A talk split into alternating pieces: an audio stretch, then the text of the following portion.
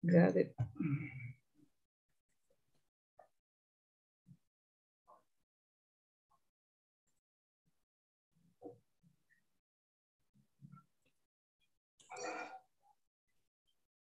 Oke. Uh, mari aku live kan yang di sini dulu. Susah masangnya.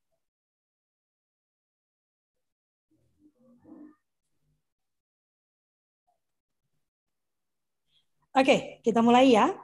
Selamat pagi, sahabat suluh keluarga. Eh, selamat bertemu kembali dalam Kultur Parenting Pagi edisi hari ini Jumat. Wah, wow, udah Jumat aja ya. Jumat eh, eh, edisi hari Jumat tanggal 13 Mei 2022. Ya, seperti biasa kami memang bergantian mengisi untuk memastikan uh, apa benang merah dari kultur parenting pagi. Dan pagi ini puji Tuhan Teh Yanti uh, ada waktu untuk menemani kita dan belajar tentang sesuatu yang sedang dia bicarakan terus-menerus ini ya. Uh, tiap kali muncul tulisan pendeknya yang dibicarakan hanya ini saja dan ini merupakan salah satu topik uh, dari pelatihan suluh muda ya Eh, suluh muda. Suluh muda akan berganti wajah, nanti akan menjadi lebih singkat dan lebih cepat, sehingga teman-teman bisa segera mengikuti suluh madya yang juga akan berubah wajah, akan dipotong menjadi tiga bagian, sehingga tidak terlalu melelahkan ya eh, bagi yang mengikuti. Dan nanti akan berbicara tentang bagaimana membentuk kebiasaan baik. Ya, membentuk kebiasaan baik itu tidak cuma untuk anak-anak ya, tetapi dimulai dari diri kita agar bisa menjadi toladan bagi anak-anak. Eh, eh, Kak Irwan, Kak Irwan mau menjadi pemandu untuk pagi ini? Biasa pagi, pak kepuk, pak kepuk. pak kepuk, pak kepuk, pak kepuk. Oke, silakan Dayanti. Oke, Assalamualaikum warahmatullahi wabarakatuh. Salam sejahtera, salam kebajikan, salam sehat Om Swastiastu, Namo Buddhaya, Rahayu, Rahayu, Rahayu. Hmm. Ini pagi yang uh, luar biasa, biasanya sangat dingin, tapi pagi ini sudah mulai cerah di Bandung. Jadi uh, secara pagi ini kita sama-sama ini ya, uh, memulai hari dengan uh, penuh gairah, penuh gairah. Karena uh, apa pun yang kita mulai, apa pun yang kita lakukan, dimulai dengan apa yang disebut rasa antusias. Ya menurut buku yang saya baca antusias itu tuh menemukan Tuhan di dalam diri. Jadi luar biasa ya ternyata orang-orang yang punya semangat uh, dan punya apa ya gairah untuk melakukan sesuatu itu sebenarnya dia sedang kalau di uh, apa ya di umat Islam itu disebutnya sedang menjadi khalifah fil memimpin dirinya sendiri paling tidak dengan gairah yang luar biasa. Ah, uh, gairah ini pula yang me, apa ya menuntun saya untuk sampai pada uh, satu aktivitas-aktivitas kecil seperti yang disebutkan oleh James Clear di dalam bukunya Atomic Habit, cuma meningkatkan satu persen saja setiap harinya, tapi memang dampaknya sangat luar biasa dan jatuh bangunnya pun sangat luar biasa. Saya perlu waktu hampir 18 eh, bulan untuk sampai menemukan eh, sebenarnya kebiasaan-kebiasaan eh, yang efektif mendukung apa yang ingin saya wujudkan, apa yang ingin saya tunjukkan bukan wujudkan ya sebagai sosok baru di masa depan. Nah, masa depannya nggak usah jauh-jauh, 5 sampai 10 tahun gitu. Dan dan yang menarik ini tidak tidak terkait usia ya. Jadi saya eh izin dulu ya saya share uh, ininya apa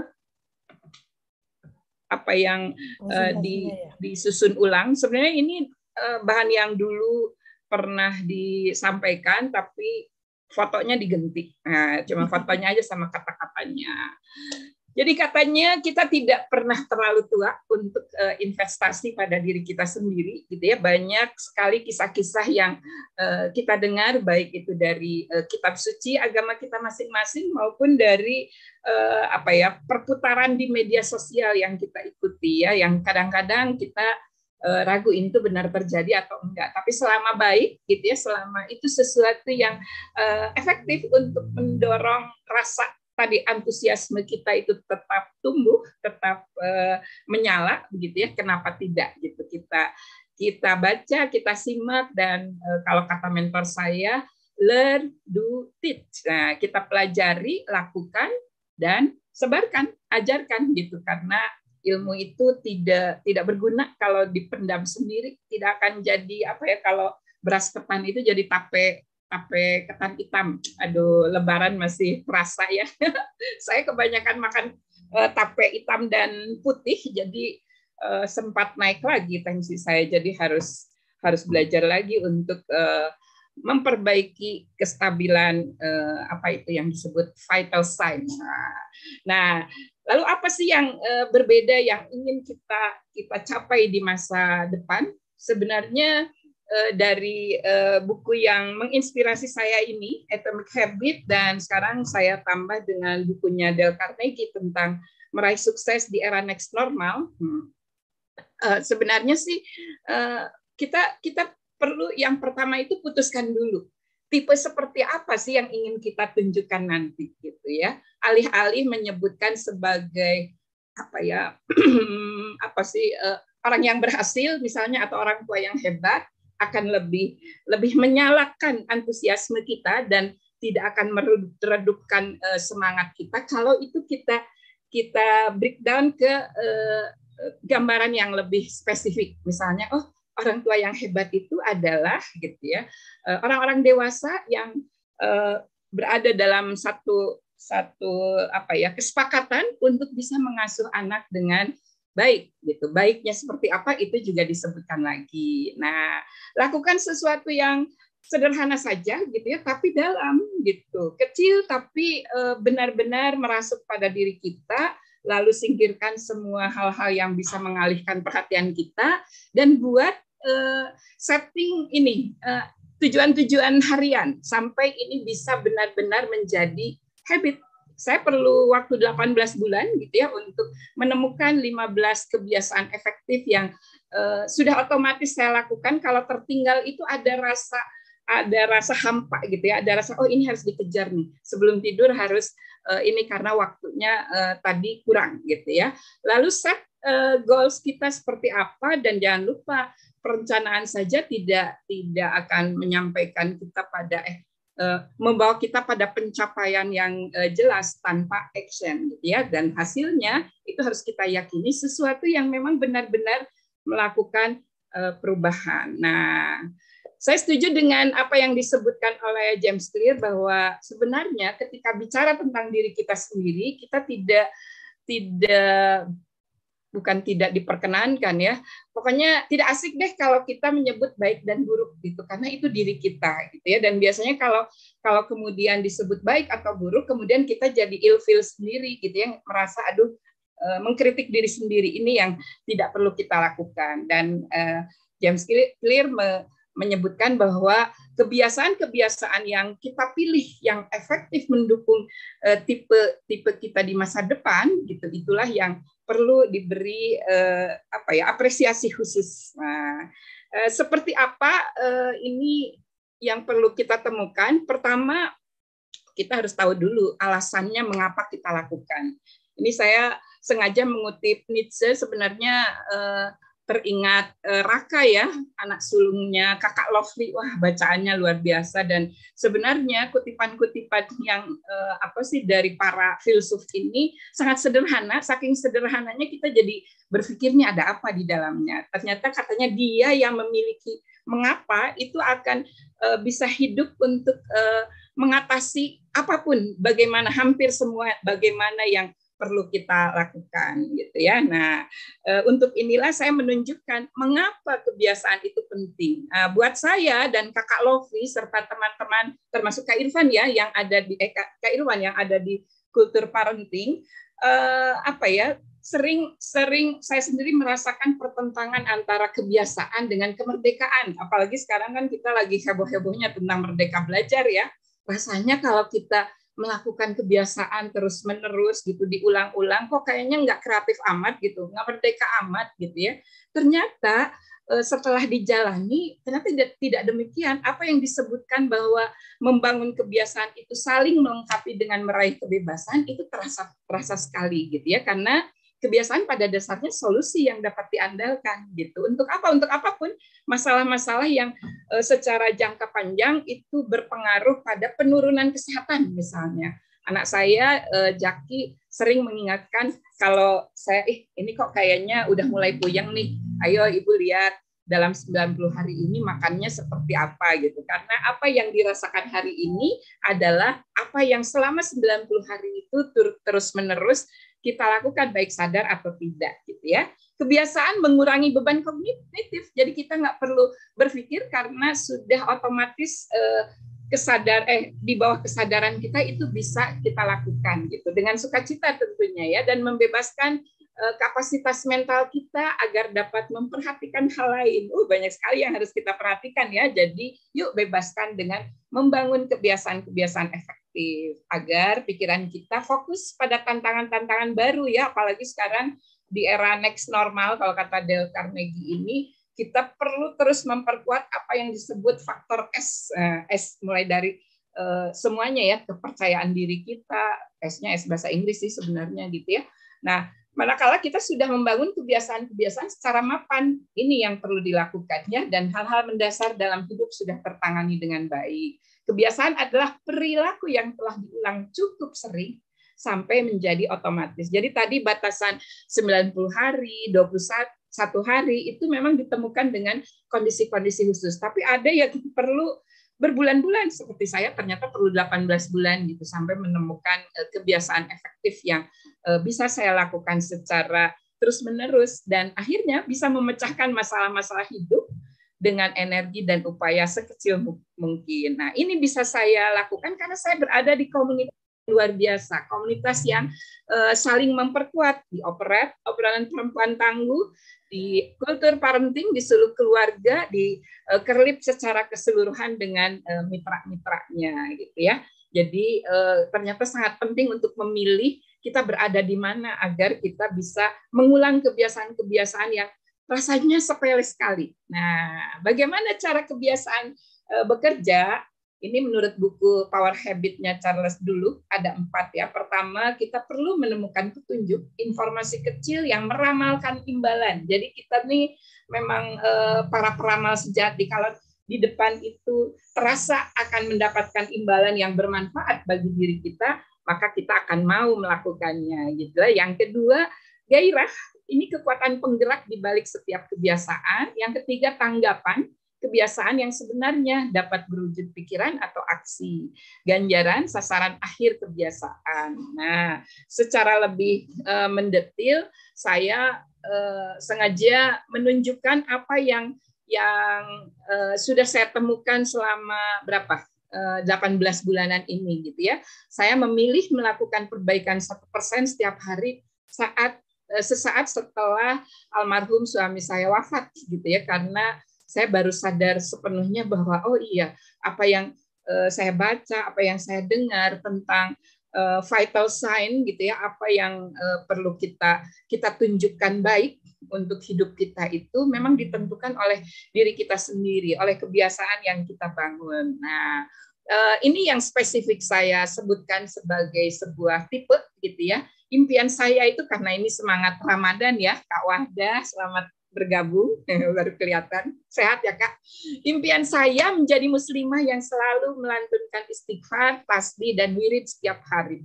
Memastikan asupan sehat seimbang serta bekerja, bergerak, dan berjejaring dengan gembira agar bisa sehat optimal lahir batin. Panjang ya, padahal saya awalnya cuma menyebutkan uh, impian saya sehat optimal gitu ya, tapi ternyata itu, itu tidak cukup tidak cukup kuat untuk menggerakkan saya untuk terus kembali pada kebiasaan-kebiasaan efektif ini. Ditambah dengan kebiasaan uh, membaca buku, saya mengutip ini ya, halaman khusus tentang uh, kebiasaan efektif yang dilakukan lebih baik satu persen setiap hari ini dalam satu tahun bisa uh, meningkatkan kita pada pada tujuan itu sampai 37 kali lipat. Tapi kalau itu kebiasaan buruk gitu ya, eh, kalau kita masih memilah eh, baik dan buruk gitu ya, kebiasaan buruk itu bisa membuat kita benar-benar ke titik nol gitu ya. Jadi hati-hati dengan apa yang disebut kebiasaan baik dan buruk. Eh, kita mungkin biar tidak merasa bersalah gitu ya kita ubah jadi kebiasaan efektif atau tidak efektif. Nah, apa yang yang eh, dilakukan dan eh, bagaimana ini dilakukan? Yang pertama kita menilai kebiasaan-kebiasaan kita selama 90 hari ini gitu. Kalau kalau mungkin sesaat setelah kita uh, apa itu tuh akil balik ya usia 15 tahun gitu kita lihat kita tuh sebenarnya paling enak bangun tidur jam berapa sih? Tidur jam berapa sih gitu? Mengapa kita lebih enak tidur jam sekian gitu ya? Nah ini semua kebiasaan harian ini perlu dituliskan agar kita bisa menyadari mana yang efektif mana yang kurang mendukung pada sosok yang ingin kita uh, tunjukkan di masa yang akan datang, apalagi dalam jangka panjang untuk kita umat Islam di hadapan Yang Maha Kuasa nanti di hari uh, perhitungan ya. Nah ini lebih lebih dahsyat lagi gitu.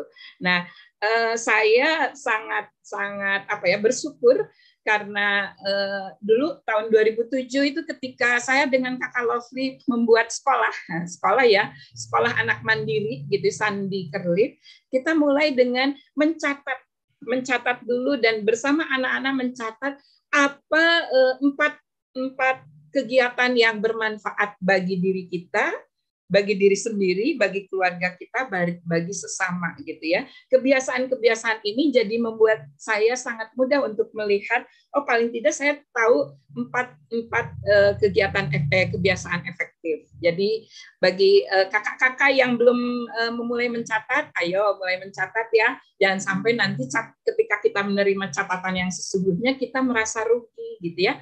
Yuk kita kita timbang untung ruginya untuk uh, sosok kita di hadapan yang maha kuasa nanti. Nah, setelah kita menyadari mana kebiasaan yang efektif, mana yang tidak, baru kita meniatkan untuk melakukan implementasi. Gitu. Ingat ya, eh, efektif tidaknya dihubungkan dengan sosok kita di masa tertentu. Lebih bagus lagi ada batasan waktu karena kalau tidak dibatasi waktu nanti eh, kebablasan gitu ya, kebablasan ketika kita merasa ah sudah gagal, udah deh jadi berhenti terus lupa dengan tujuan akhirnya. Nah, eh, James Clear menuliskan bahwa untuk eh, menerapkan niat implementasi kita perlu menulis ini nih, aku akan apa gitu ya, harus kata kerja nih karena bicara tentang action ya pada waktunya kapan dan di mana gitu. Misalnya nih, aku akan uh, saya tuh malas keluar rumah ya selama selama pandemi itu. Padahal sebelumnya saya kan uh, banyak sekali di, berada di luar rumah gitu ya. Dan untuk uh, jalan kaki atau lari pagi keluar itu aduh uh, berat sekali gitu ya. Bersyukurlah uh, rumah saya cukup cukup lapang gitu untuk bisa melakukan jalan melingkar. Uh, bukan melingkar sih membentuk angka 8 saya jadi ingat waktu kakak Lovely uh, share tentang lintasan matahari ya sepanjang tahun ternyata itu membentuk apa yang dulu waktu SMA eh, apa sih itu lintasan Lysias ya gitu angka 8 infinity gitu ya. Nah, ini ini eh, perlu terus eh, kita kita lakukan ketika kita gagal katanya jangan sampai Eh, kemudian me, apa ya melakukan hal yang uh, tidak efektif itu jadi dua kali gitu. Ya. Segera kembali pada kebiasaan yang ingin kita lakukan. Lalu setelah berniat, kita tumpuk kebiasaan itu dengan kebiasaan saat ini yang sudah kita temukan efektif tadi ya. Setelah kebiasaan saat ini, aku akan melakukan kebiasaan baru. Ingat ya, yang diisi ini dengan kata kerja karena kita orientasinya pada take action ambil aksi, melakukan sesuatu gitu ya. Karena tindakan ini jauh lebih berarti dibanding kata-kata. Lalu uh, umumnya kita nih saya terutama ya ternyata membutuhkan lingkungan yang mendukung gitu untuk bisa mudah melakukannya. Karena memang uh, apa ya seluruh uh, sistem saraf kita itu ternyata kalau tidak salah dua pertiganya itu tuh untuk indera melihat gitu ya. Jadi kalau kita merancang lingkungan itu indera indera kita mata kita akan melihat dengan dengan cepat gitu hal-hal yang mendukung bagaimana kebiasaan baru ini bisa kita tumpuk dengan kebiasaan yang sudah efektif sampai saat ini. Nah, ini untuk menjadikan petunjuk kebiasaan ini masih kebiasaan baik ya. Kebiasaan baik terlihat gitu. Nah, ini ini sangat penting ya. Ini yang pertama menjadikannya terlihat. Nah, yang kedua ini dia. Yang kedua, kalau terlihat saja tapi tidak menarik, ternyata buat kita juga jadi kehilangan passionnya ya, kehilangan antusiasnya gitu ya. Nah, pertama katanya gunakan paket godaan. Aduh, kita harus menemukan nih teaser-teaser kita gitu ya. Godaan-godaan ini tuh salah satunya dengan memasangkan aksi yang ingin dilakukan dengan aksi yang perlu dilakukan. Misalnya, eh, yang ingin dilakukan adalah Uh, nonton nonton nonton apa drama Korea. Uh, saya sempat sangat suka dengan drama Korea gitu ya. Nah setelah kebiasaan saat ini, uh, aku akan melakukan kebiasaan yang aku perlukan. Berarti setelah menonton drama Korea, aku akan jalan kaki misalnya gitu ya berapa langkah. Nah setelah kebiasaan yang aku perlukan, aku akan melakukan kebiasaan yang aku inginkan. Jadi terus seperti ini ya. Setelah kebiasaan yang aku perlukan, aku akan kebiasaan yang aku inginkan. Jadi ini eh, apa ya terus eh, berkesinambungan agar kita eh, benar-benar terisi merasa eh, ini sesuatu yang yang apa ya kita bukan sekedar kita butuhkan menarik gitu ya menarik hati kita. Nah ini yang kedua ini nih ayo buat para perempuan kebetulan hari Jumat ini ada operat lagi ya jam 12 yuk eh, bergabung di Operet obrolan perempuan tangguh karena ini sangat penting ya eh, untuk berada dalam kultur tempat perilaku yang kita inginkan itu dianggap perilaku normal. Misalnya curhat apa pun apa adanya gitu ya di tempat-tempat lain mungkin itu tidak tidak normal. Tapi di Operet karena kita sama-sama uh, apa uh, ingin stop judging, start hugging, jadi tidak akan melakukan labeling apa pun, tidak akan menuding gitu ya, tapi siap untuk memeluk. Jadi silahkan mau curhat apa pun gitu ya, seperti apa pun silahkan. Akan lebih baik memang di uh, sesi operate memeluk ya. Lalu yang kedua, kita sudah memiliki sesuatu yang juga dimiliki oleh sesama kelompok. Minimal keinginan untuk menjadi perempuan tangguh. Ini untuk para perempuan. Nah, untuk keluarga, secara umum kita setiap dua hari sekali loh ada kultur parenting ya Senin, Rabu, Jumat ditambah pelatihan-pelatihan yang luar biasa yang diadakan oleh Kakak Lovely bersama Kak Deli gitu ya eh, pelatihan maupun workshop dari para narasumber dengan diskon menarik untuk semua anggota seluruh keluarga. Nah, kenapa? Karena kita cenderung meniru kebiasaan tiga kelompok sosial seperti ini, orang yang akrab, yang banyak, dan yang berkuasa. Nah, ini terkait yang ketiga ini biasanya para guru-guru ini kan para raja di kelas ya. Ayo, selain kita mengajak anak-anak kita untuk melakukan perubahan, kita bentuk kebiasaan efektif kita dulu setiap hari ya. Nah, lalu jangan lupa untuk langkah ketiga ini menciptakan ritual motivasi. Nah, ini sangat penting ya karena uh, kita mudah sekali distraction uh, apa sih teralihkan apalagi sekarang di ujung jari kita ya media sosial itu kan melakukan sesuatu yang kita nikmati sesaat sebelum kebiasaan yang sulit dilakukan. Nah, membingkai ulang kebiasaan dengan lebih terfokus pada manfaat ketimbang kerugian adalah cara yang cepat dan mudah untuk memprogram ulang pikiran dan menjadikan kebiasaan baru terkesan lebih menarik. Memang eh, cukup berat untuk bisa sampai pada kebiasaan eh, 10.000 sampai 12.000 langkah setiap hari. Tapi ternyata ketika itu dikaitkan dengan apa yang sangat ingin kita kita wujudkan misalnya kalau saya dengan istighfar dan dan bertasbih dan ketika dihitung ternyata langkahnya bertepatan. Kalau saya tasbih dalam hati 100 eh, kali itu 15 menit. 15 menit itu bisa sampai 2.500 sampai 3.000 langkah.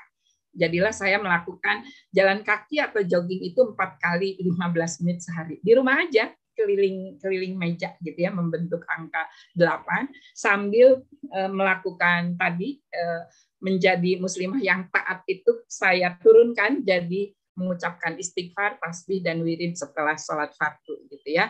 Nah yang uh, berikutnya kemudian baru melakukan kebiasaan-kebiasaan yang lebih sulit lagi gitu, tapi harus yang uh, sudah ditemukan dulu unsur menariknya ya Ini penting.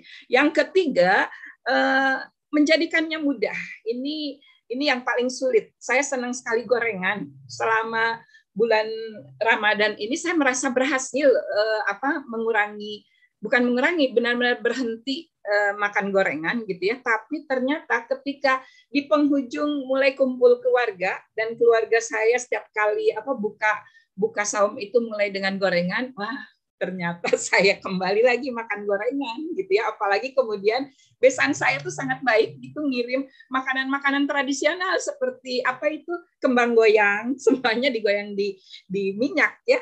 Uh, terus uh, apa ranginan udah deh saya kalau udah ada itu benar.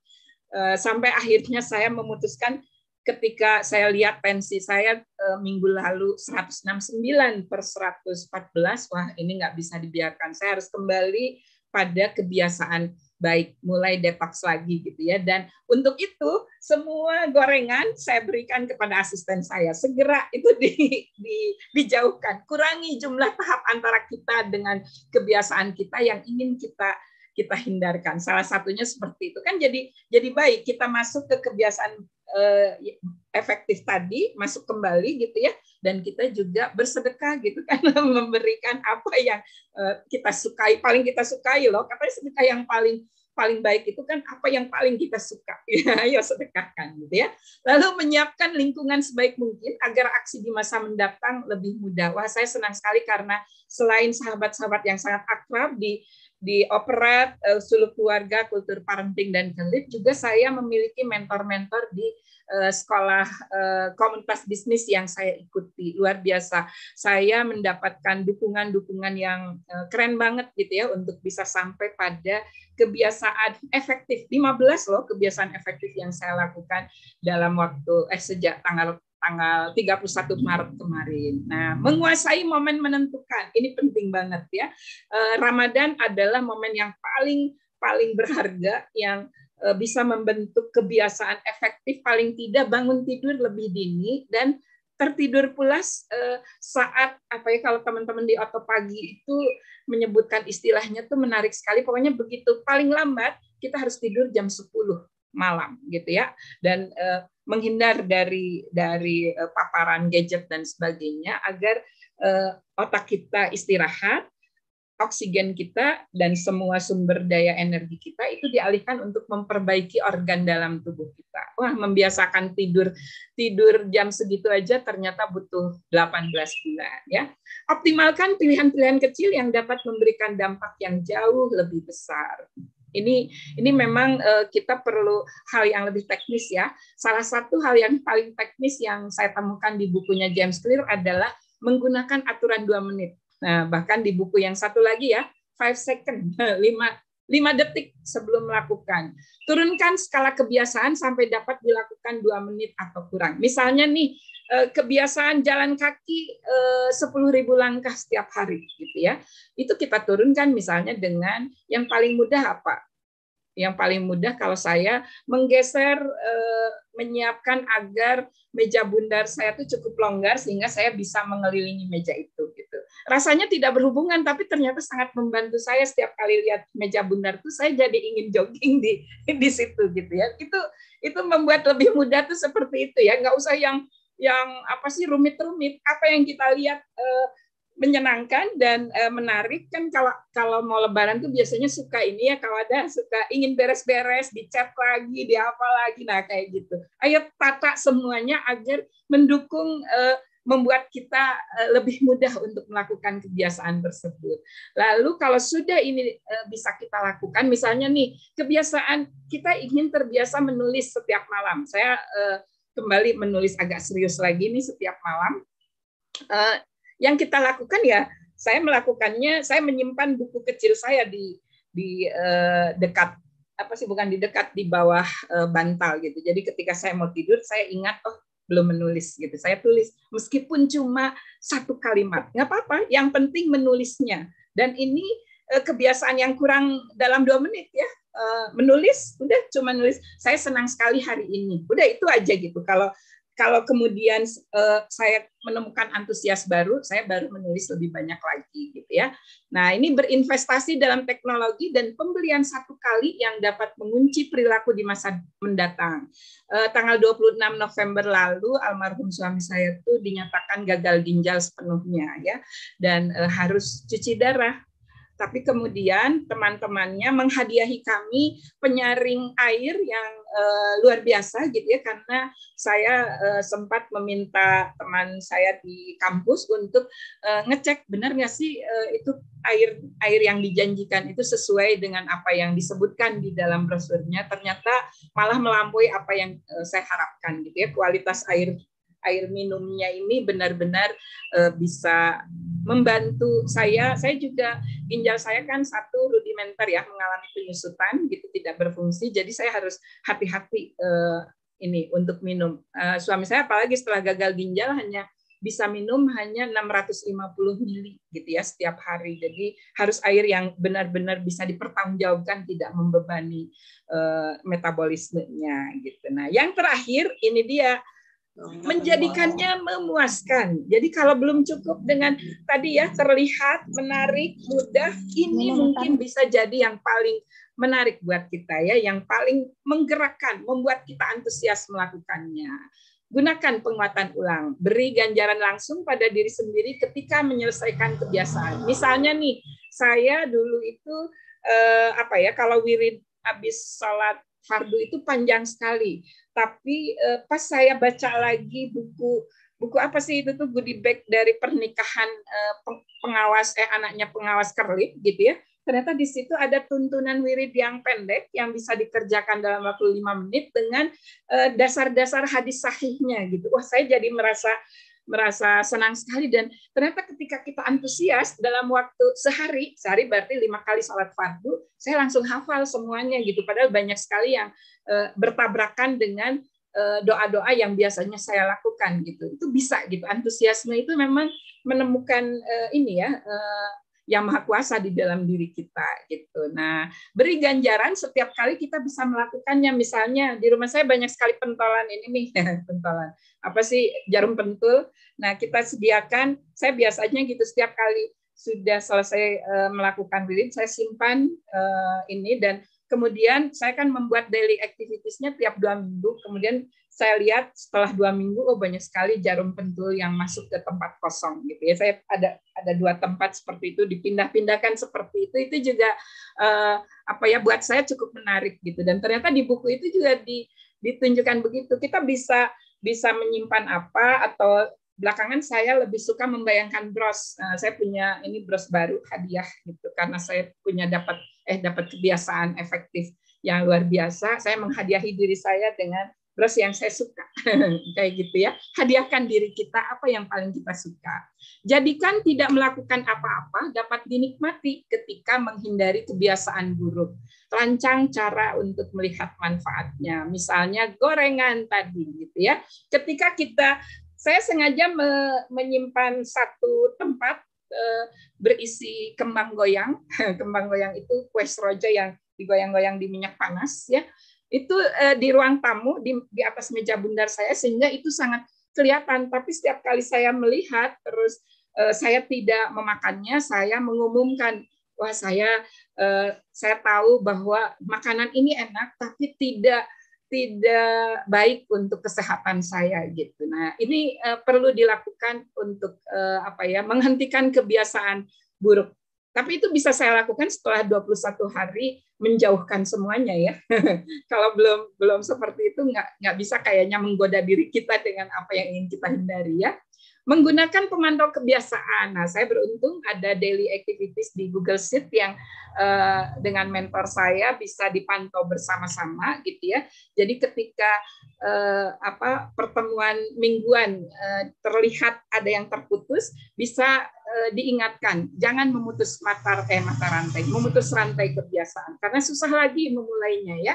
Nah, jangan mangkir dua kali. Ini tadi ya, ketika lupa melakukan, bukan lupa sih sebenarnya lebih lebih tepatnya lalai gitu ya, membiarkan kita hanyut dengan kebiasaan yang tidak efektif gitu ya, pastikan langsung kembali ke jalur dengan segera.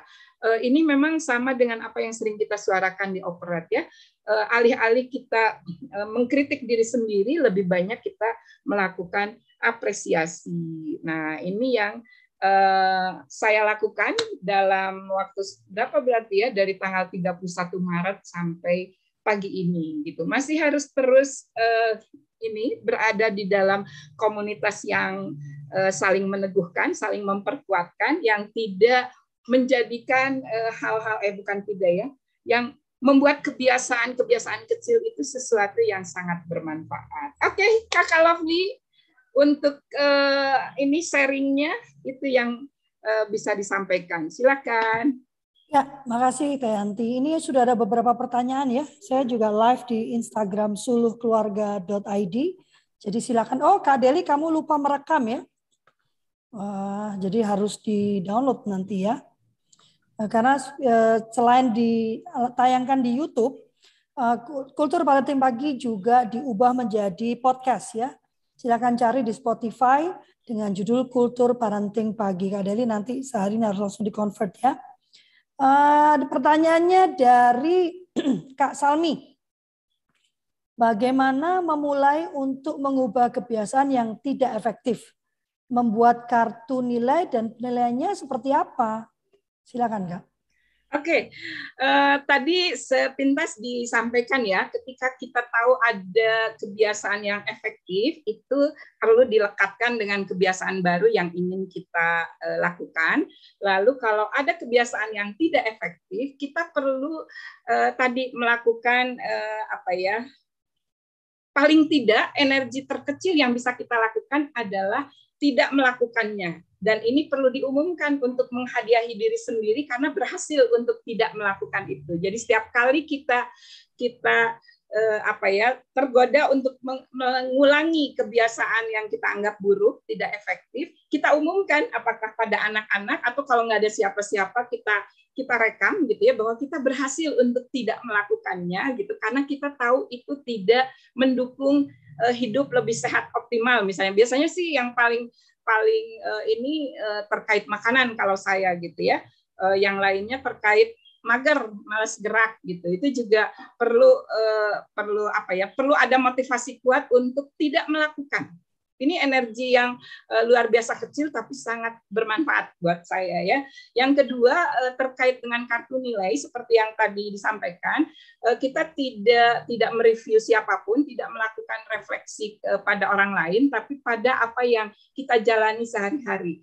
Uh, kalau itu sesuatu yang efektif, tidak perlu kita berbangga hati dengan itu gitu ya tapi justru ini jadi pemicu untuk dikaitkan ditumpuk dengan kebiasaan baru tadi ya tapi kalau kalau itu sesuatu yang uh, tidak efektif, tadi itu perlu secara detail kita sebutkan apa saja sih, karena nanti ketika kita berhasil tidak melakukannya, pada saat kita tergoda untuk melakukannya, kita bisa mengumumkannya dan menghadiahi diri kita sendiri karena berhasil menahan godaan. Godaannya memang uh, ini sekali, terutama kalau uh, makanan ya buat kami, eh buat saya kalau nggak salah di dalam buku itu juga ada deh membiasakan uh, karena kita tuh kan uh, lebih baik uh, mending melakukan sesuatu daripada tidak melakukan apa pun gitu kan.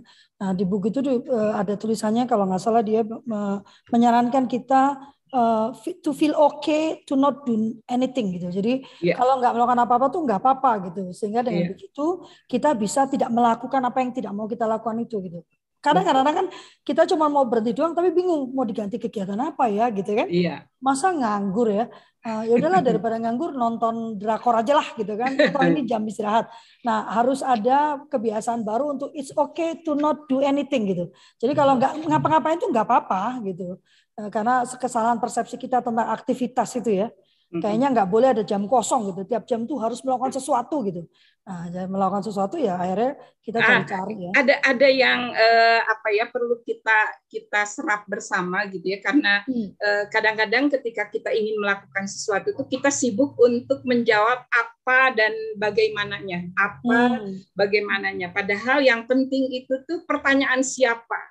Siapa kita 2 sampai 5 tahun yang akan datang. Atau siapa kita 12 bulan yang akan datang. Karena siapa inilah yang bisa eh, menumbuhkan antusiasme kita ya di dalam diri kita. Tapi siapa kita ini sosoknya itu harus terus di breakdown ke hal yang bisa kita ukur sendiri gitu. Karena kita bukan bicara membandingkan dengan siapa pun tapi membandingkan dengan diri kita sebelumnya gitu ya. Bahwa eh, kita ingin misalnya saya awalnya saya bersikeras saya pokoknya ingin sehat optimal. Jadi saya uh, ini itu ini dilakukan tapi kok saya jadi malah kerepotan sendiri. Nah baru kemudian saya turunkan sehat itu apa sih buat saya? Oh sehat itu setelah almarhum suami saya meninggal sehat itu uh, bebas dari utang misalnya gitu ya. Hmm. terasa terasa banget satu persatu dari utang yang terbesar sudah bisa bisa ditutupi gitu ya, bisa diselesaikan, itu membuat saya jadi lebih lebih lega, lebih antusias untuk melakukan yang lain. Bukan berarti kemudian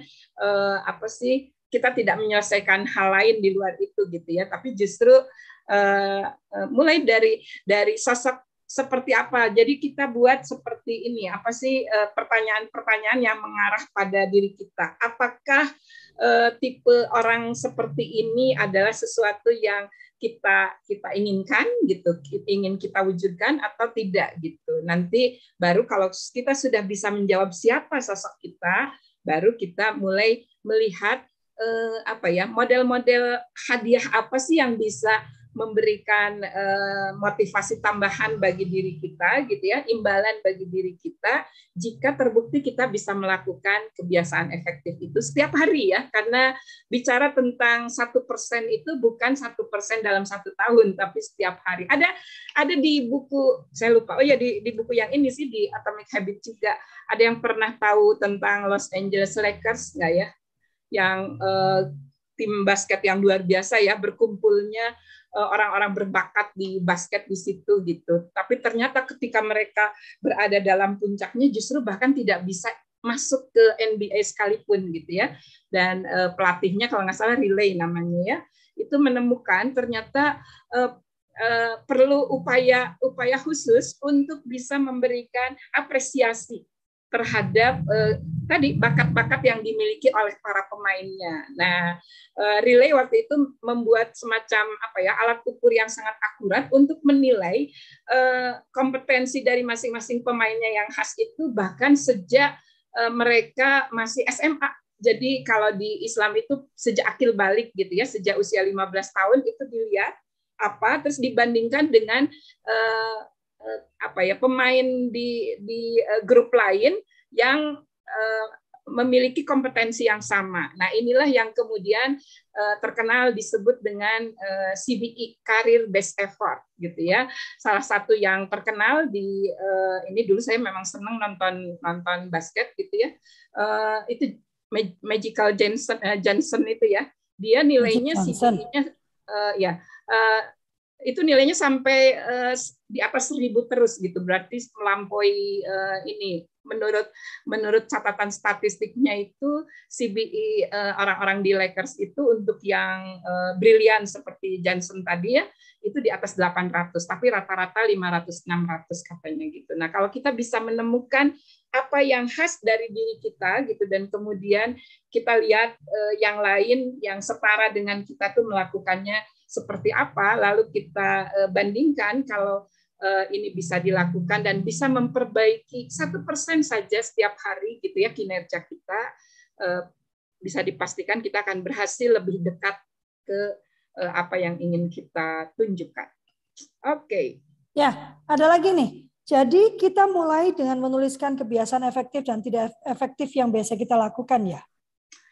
Ah, Oke, okay. ya ini Dari memang ada memang ini berulang-ulang perlu perlu kita tanyakan pada diri kita ya. Pertama kita perlu jujur gitu ya, apa saja sih yang sudah kita lakukan rutin setiap hari dan tidak perlu dinilai dia itu eh, baik atau buruk karena nanti tadi ada perasaan apa sih guilty feeling itu ya, merasa merasa bersalah sudah terlalu banyak menyia-nyiakan waktu gitu. Terasa sih oleh saya gitu, tapi nanti jadi jadi berkutat di situ balik lagi jadi malah malah merasa gagal untuk uh, membangun kebiasaan yang efektif. Nah, uh, yang kenapa perlu dimulai dengan memastikan diri kita memutuskan tipe seperti apa yang ingin kita uh, capai pada kurun waktu tertentu, baru kemudian mencari uh, semacam apa ya motivator-motivator dalam bentuk reward-reward kecil untuk mem untuk menunjukkan bahwa kita terbukti bisa melakukannya, gitu ya.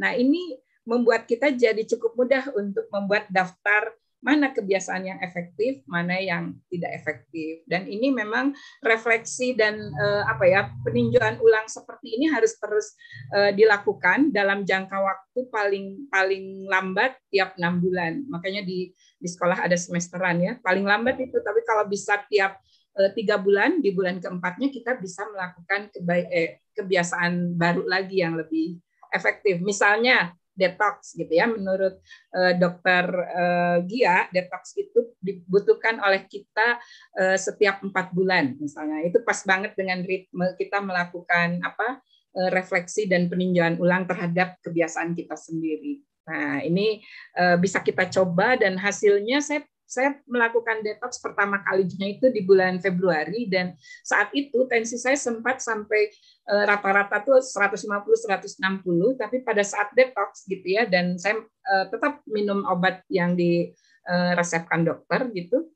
tensi saya antara 105 sampai 115 gitu. Tapi ketika saya loss lagi ya naik lagi. Kemarin sebelum tanggal 31 itu tanggal 28 Maret itu 169 gitu naik lagi. Jadi saya harus harus uh, kembali dan uh, karena paling lambat detox itu dilakukan setiap bulan empat uh, bulan, ini saya sedang uh, detox lagi gitu di bulan Mei ini. Itu ya Kak Wahda ya.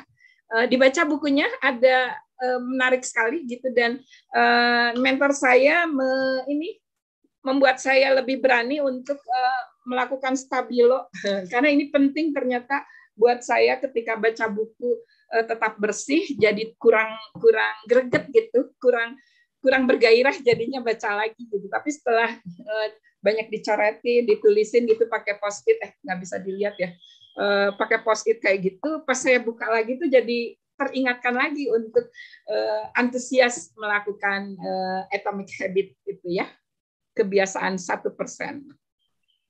Ya, ini ada Kak Awaina Fidini. Kalau ini mah curhat seluruh umat ya Kak Awaina ya. Saya berusaha menjaga pola makan yang sehat. Sudah berhasil selama dua bulan, eh ketemu lebaran buyar semua. Saya nggak usah ketemu lebaran Kak Awaina. Ketemu Kak Maria udah bubar semua. Udah. Jangan salahkan lebaran ya. Jangan salahkan lebaran. Nggak, nggak, nggak perlu ber, uh, ini juga sih, nggak perlu menyalahkan siapa pun termasuk hmm. diri kita ya. Begitu kita ingat kita sudah bergeser cepat uh, kembali pada rencana kita untuk uh, membentuk kebiasaan.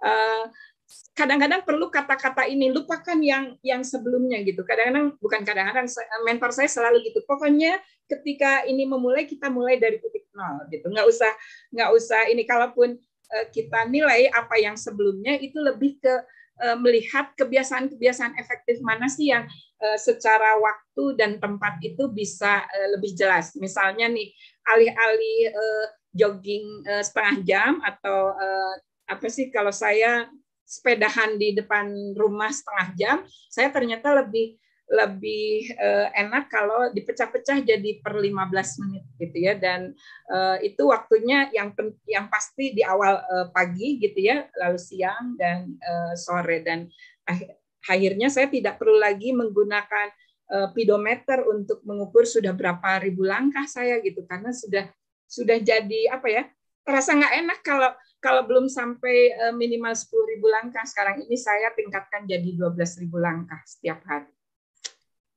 Gitu ya Wah ini Kak Salmi bilang, saya itu punya darah tinggi, sampai hmm. akhirnya lari ke jantung. Nah hmm. sekarang kebiasaan saya males makan dan lupa minum obat. Gimana solusinya? Males makan kumpul sama saya aja Kak, makan dulu kalau saya.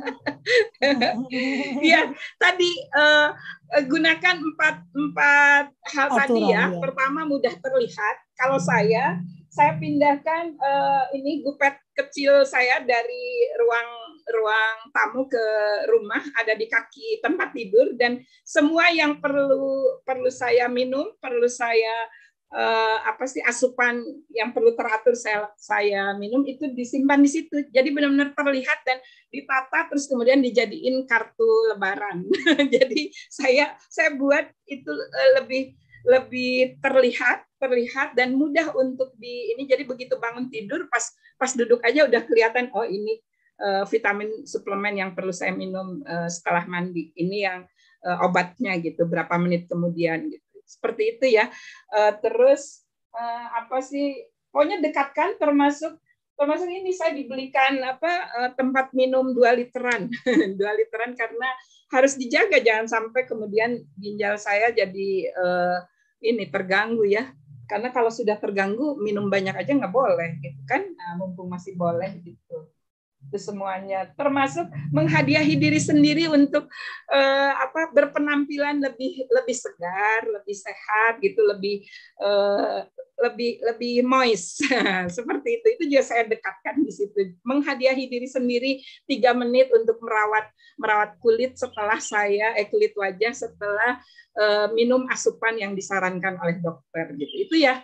Dicoba ya Kasalmi ya. Karena uh, saya juga pernah tahun lalu itu saat mengurus suami saya sampai 183 uh, lalu dalam waktu 6 jam 88 itu kan bisa jadi stroke kalau kita uh, apa punya tensi yang anjlok gitu ya tadinya tinggi dalam waktu singkat jadi rendah. Nah ini harus perlu dijaga uh, stabil dan saya ikuti saran dokter gitu ya. Ada ada empat dokter saya ada empat dan saran yang pertama yang dilakukan adalah detox detox ini penting karena uh, banyak sekali asupan asupan toksik yang masuk ke dalam tubuh saya, terutama gorengan, gorengan gitu ya, terus uh, apa karbo ya, uh, apa karbo karbo yang sederhana kayak kalau nasi saya sejak 2008 waktu itu berkomitmen dengan kakak Lovely untuk tidak makan nasi tapi kalau ngerasa pusing sedikit tetap masih ingin makan bubur. Lah padahal itu kan nasi juga atau kerupuk. Nah, itu kerupuk ternyata satu kerupuk itu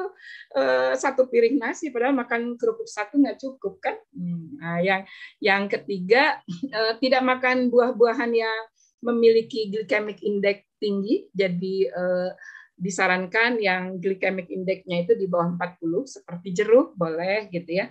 E, tapi anggur nggak boleh. Terus jambu merah boleh gitu. Tapi mangga nggak boleh, pisang nggak boleh gitu. Nah, seperti itu ya. Jadi itu dilakukan dua minggu saja dan selama dua minggu itu saya dipantau oleh dokter tensi dan uh, ini ya uh, EKG EKG-nya uh, seminggu sekali dan ternyata stabil di 105 sampai 115 tensinya ya. Uh, seperti itu. Tapi ya ya gitu seperti tadi Kak siapa katakan begitu lebaran buyar ya karena keluarga pada senang makan gorengan. Ternyata gitu kalau kumpul dengan orang-orang yang sama sukanya kita juga ter, terseret kalau belum mapan, belum ajak. Gitu ya, Kak. Nanti eh, nanti ini aja kontak kontak saya di di WhatsApp. Eh, Kak Salmi udah bergabung di Operate belum? Atau di Suluh Keluarga? Gabung belum. di situ nanti belum. kita bisa eh, wapri ya, japri-japrian. Ya, Kalau Fli sudah jam 8 lewat 3, udah pertanyaan-pertanyaan ya. udah? Ya, uh, pertanyaan dari bahas, sudah dibahas bahas semua ya. Memang ada buku yang kami jadikan uh, rujukan itu Atomic Habit, Five Second uh, Rules ya, Five Second Rules. Lalu uh, The Power of Habit. Kalau uh, jadi lebih awal tuh bukunya The Power of Habit. Lalu muncul dua buku yang belakangan ya. Uh, itulah kenapa kami, uh, kami memegang tentang 90 men, uh, 90 hari ya kalau teman-teman sudah ikut suluh keluar uh, suluh muda itu yang kami kerjakan 7 21 90 ya. 90. Uh, apa kebiasaan apa yang mau diubahkan. Um, uh, dan kebiasaan ini memang uh, saya sih Eh, lebih suka tidak usah mencari kebiasaan yang tidak efektif gitu ya. Cuman lebih baik kita menuju ke goal kita mau menjadi apa, siapa kita yang mau kita tuju. Tadi kan uh, uh, apa tuh namanya teh uh, identitas diri ya kalau yeah. di uh, kebiasaan berbasis kan, identitas. Ya, Uh, ke, di atomic habit yang kita ubah tuh identitas diri kita dulu tadi Teteh bilang lima tahun ke depan saya ini siapa gitu ya nah dari identitas diri itulah diturunkan kebiasaan-kebiasaan apa yang Eh, kita perlu lakukan terkait dengan eh, pencapaian identitas diri tersebut. Nanti baru diubahkan gitu supaya kita tidak eh, menekan dari kita sendiri walah ternyata saya ini males banget ya ternyata saya ini ya karena segala hal yang dimulai dengan negatif ya susah sekali nanti berjalannya Bergerak, ya. sangat berat ya terima kasih uh, Teh Yanti ya uh, luar biasa seperti biasa ya. Teman-teman, uh, saya mengundang teman-teman untuk bergabung dalam suluh keluarga. Dengan bergabung dalam suluh keluarga 150 ribu per tahun, Anda akan mendapatkan semua materi yang dipaparkan oleh uh, narasumber kami di Kultur Parenting Pagi. Kalaupun Anda tidak membayar, Kultur Parenting Pagi ini terbuka untuk umum ya, tapi dengan Anda membayar keanggotaan, uh, selain Anda mendapatkan manfaat berupa materi, tetapi juga diskon 20% untuk semua pelatihan yang kami lakukan, anda juga mendukung kami dalam melakukan kegerakan ini. Selain uh, dengan dana, dukungan yang bisa dilakukan adalah membantu kami menyebarkan link ya uh, yang kami berikan uh, setiap satu hari sebelum acara, tetapi juga daftar kegiatan yang kami berikan di awal bulan supaya teman-teman bisa melihat mana yang mana yang sesuai ya. Dan kami mengundang para perempuan untuk bergabung dengan kami nanti siang jam 12 uh, di operate coaching time ya. Jadi kita nanti saling berdiskusi dan acara ini acara tertutup tidak akan disambungkan uh, ke YouTube sehingga Anda bisa bebas bercerita dan berkisah tanpa uh, takut-takut ya. Silakan bergabung. Uh, uh, pelatihan yang terdekat adalah pelatihan mendongeng dan neuro uh, neuroscience ya. Uh, dan juga ada pelatihan tentang kesehatan mental. Nanti Kak Maria dokter apa uh, psikolog Maria yang akan memimpin dan juga akan ada pelatihan matematika untuk PAUD ya. Bagaimana mengajarkan matematika untuk anak PAUD ya dengan memakai metode yang digunakan untuk anak-anak diskalkulia nah jadi biasanya kan untuk anak diskalkulia uh, uh, bisa di bisa dibuat dengan dengan cara yang lebih menarik kepada anak-anak yang reguler pun pasti akan lebih cepat mempelajari matematika. Ya, uh, Kak Salmi terhubungnya dengan siapa? Dengan saya atau dengan Teh Yanti?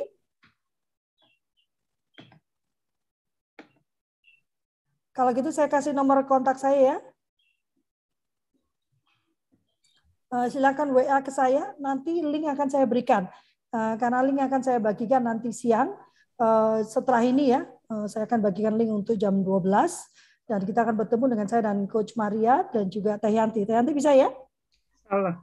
Jam 12 ya kita akan masuk ke coaching session. Terima kasih banyak kita berfoto dulu. Hari ini ada sampai 16. Dokter Ferry, eh baru ya, ternyata muncul.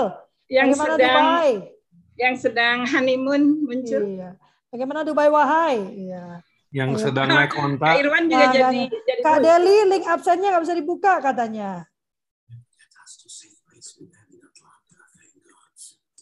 Sebentar ya, saya ini dulu saya. Oh ini ternyata oh Kak Iwan.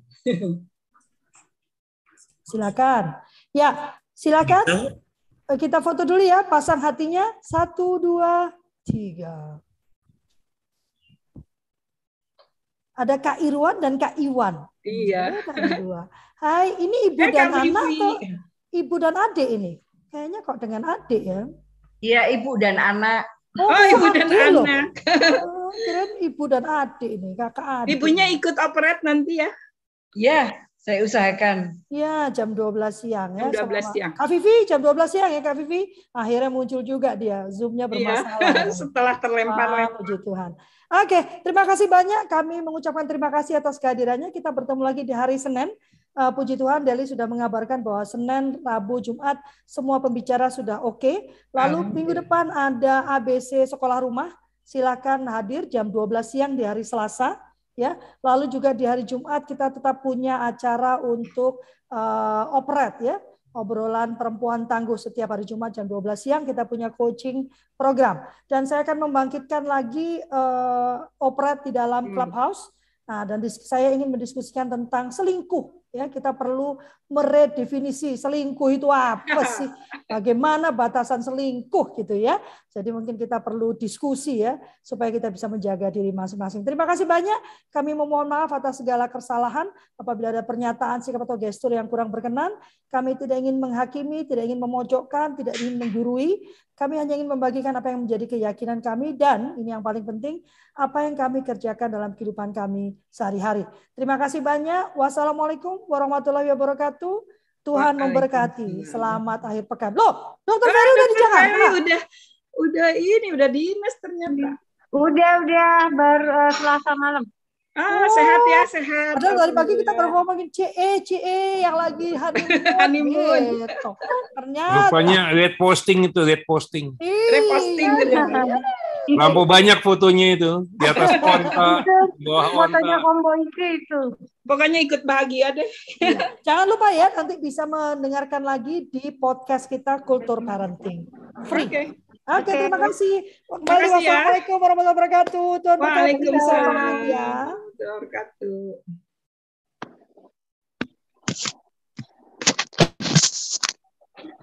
Silakan Kak Deli.